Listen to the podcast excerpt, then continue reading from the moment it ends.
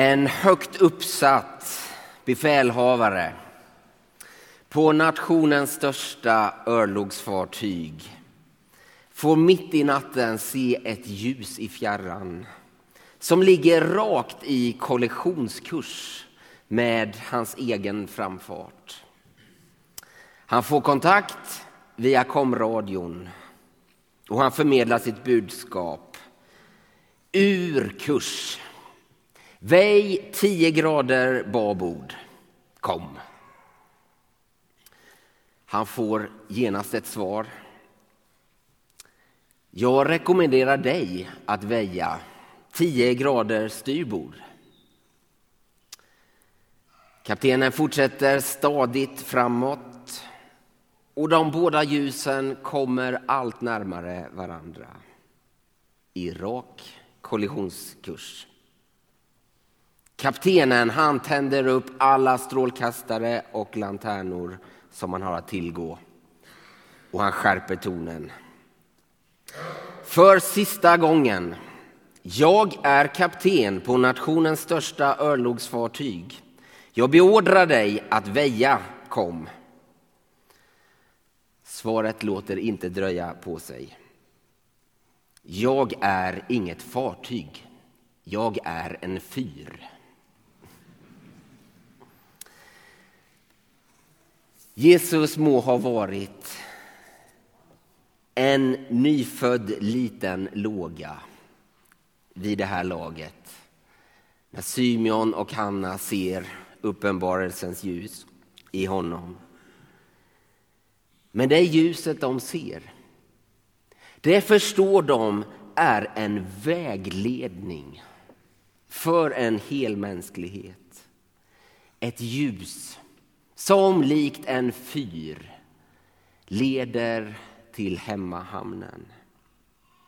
Men också ett ljus som får makterna och krafterna att provoceras och hotas när det visar sig att det är de som behöver väja. Simeon och Hanna de är till åren och de hade länge väntat på att se Guds Messias.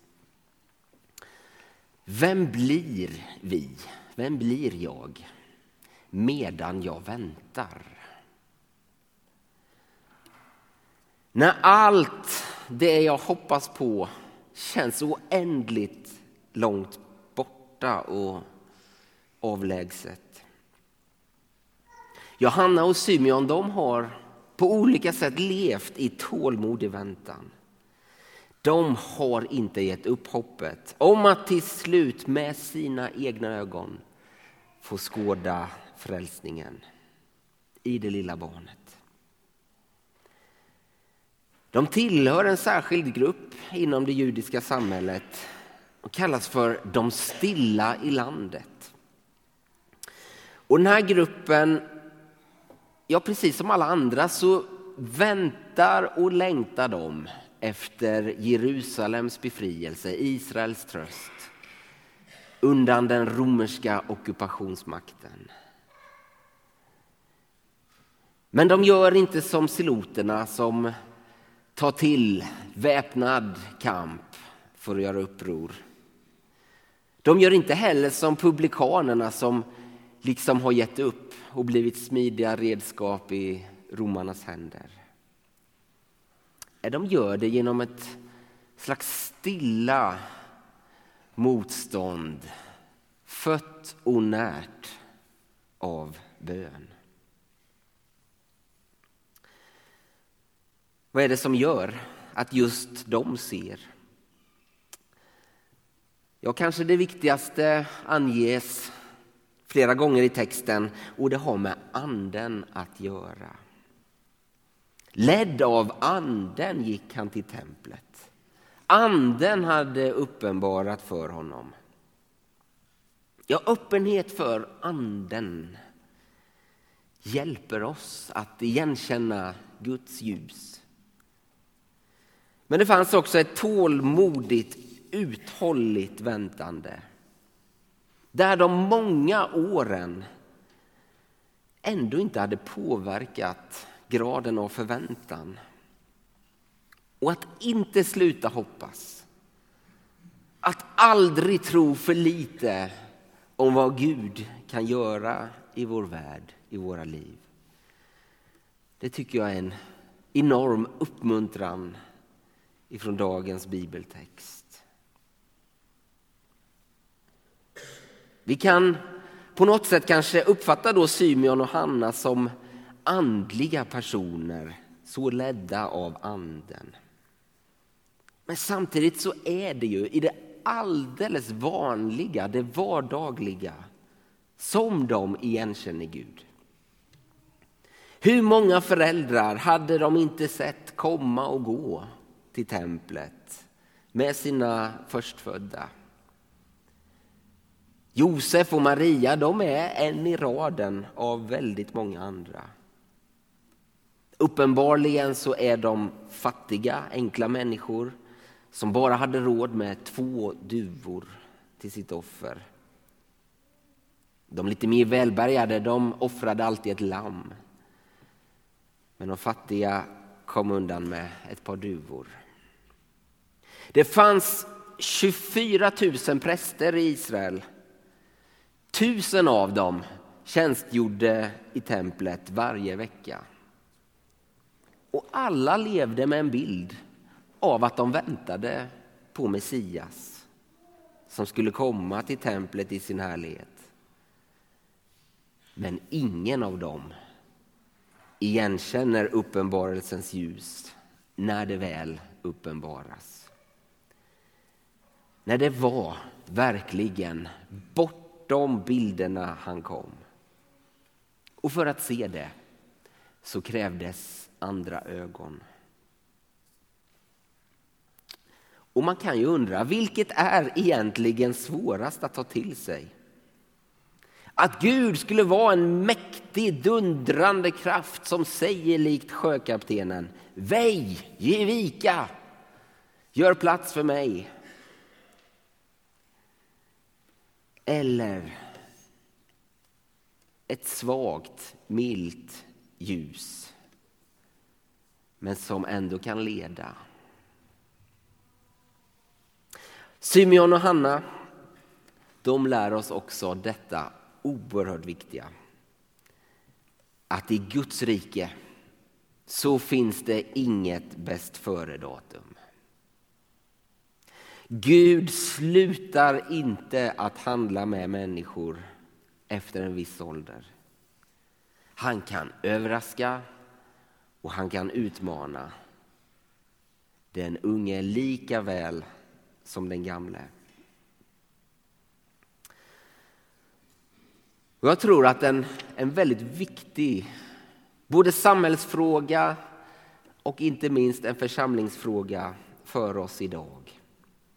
Det är hur vi lyckas med att få till samspelet mellan unga och gamla.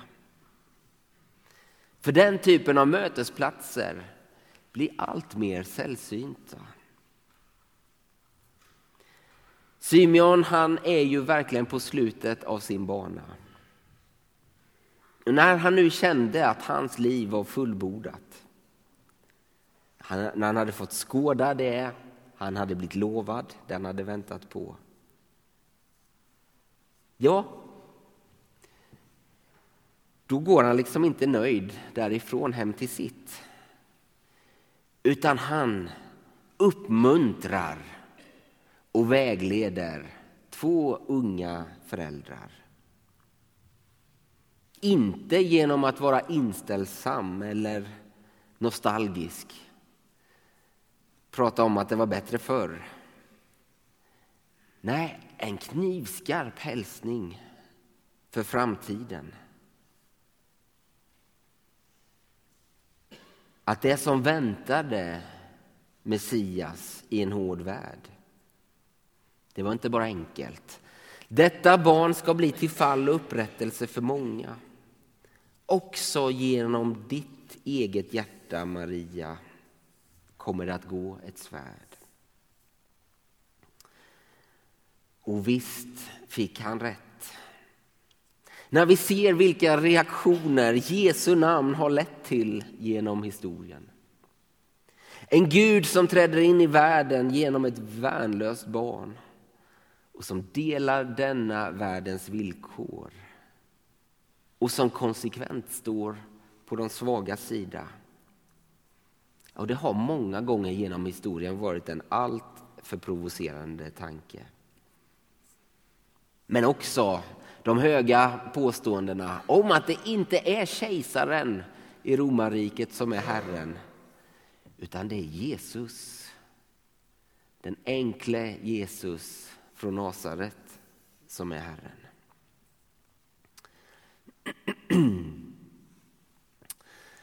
Uppenbarelsens ljus är ju vårt tema. Kyndel, det är ju ett gammalt ord för ljus och bloss. Kyndelsmässodagen är det vi firar. I vissa kyrkor gör man fortfarande så att den här gudstjänsten så samlar man alla ljus som kommer att användas i gudstjänstrummet under året eller i den ena andakten hemma och så välsignar man dem. Jag skulle vilja avsluta med en liten meditation över ljuset. Jesus han brann likt ett ljus. Vi symboliserar ju det framförallt med Kristusljuset, det stora vid dopkällan. Men också våra två ljus på nattvardsbordet som talar om, om Jesu dubbla natur. Jesus som sann Gud och sann människa. Men här tänker jag att det här är ett område där vi inte som människor ska efterlikna Jesus. Därför att ett sånt, ett sånt här ljus, det ger värme och ljus genom att själv förtäras, brinna ner. Ja, likt Jesu offer. Men vi är också kallade att vara ljus, att spegla Jesu ljus. Men jag tänker att den bilden vi kan ta till oss, nu har det visst blåst ut här, vårt ljus i lyktan. Det är ju snarare denna, att få vara en, en behållare för oljan. Och vi talade om Andens ledning, en bild av anden som kyrkan använt, det är bilden av oljan. Att få fylla på av Gud själv för att få lysa. Men jag tror också vi kan vara frimodiga i den bild jag började med. Bilden av att vara en fyr. Att faktiskt tro om sig själv. Och nu talar jag särskilt till dig som likt Symeon och Hanna är lite äldre. Du kan få vara ett ljus som leder andra. Leder andra på trons väg. Genom att du delar med dig av din erfarenhet. Genom att du ber för och med andra. När vi går in i nästa del av vår gudstjänst. Ta gärna med detta i din bön för dig själv. Känner du att du behöver få påfyllning i oljan? Känner du att du i värsta fall håller på att bränna ut dig? Kanske känner dig som ett ljus som till och med brinner i två ändar. Jag tar varningssignalerna på allvar i tid.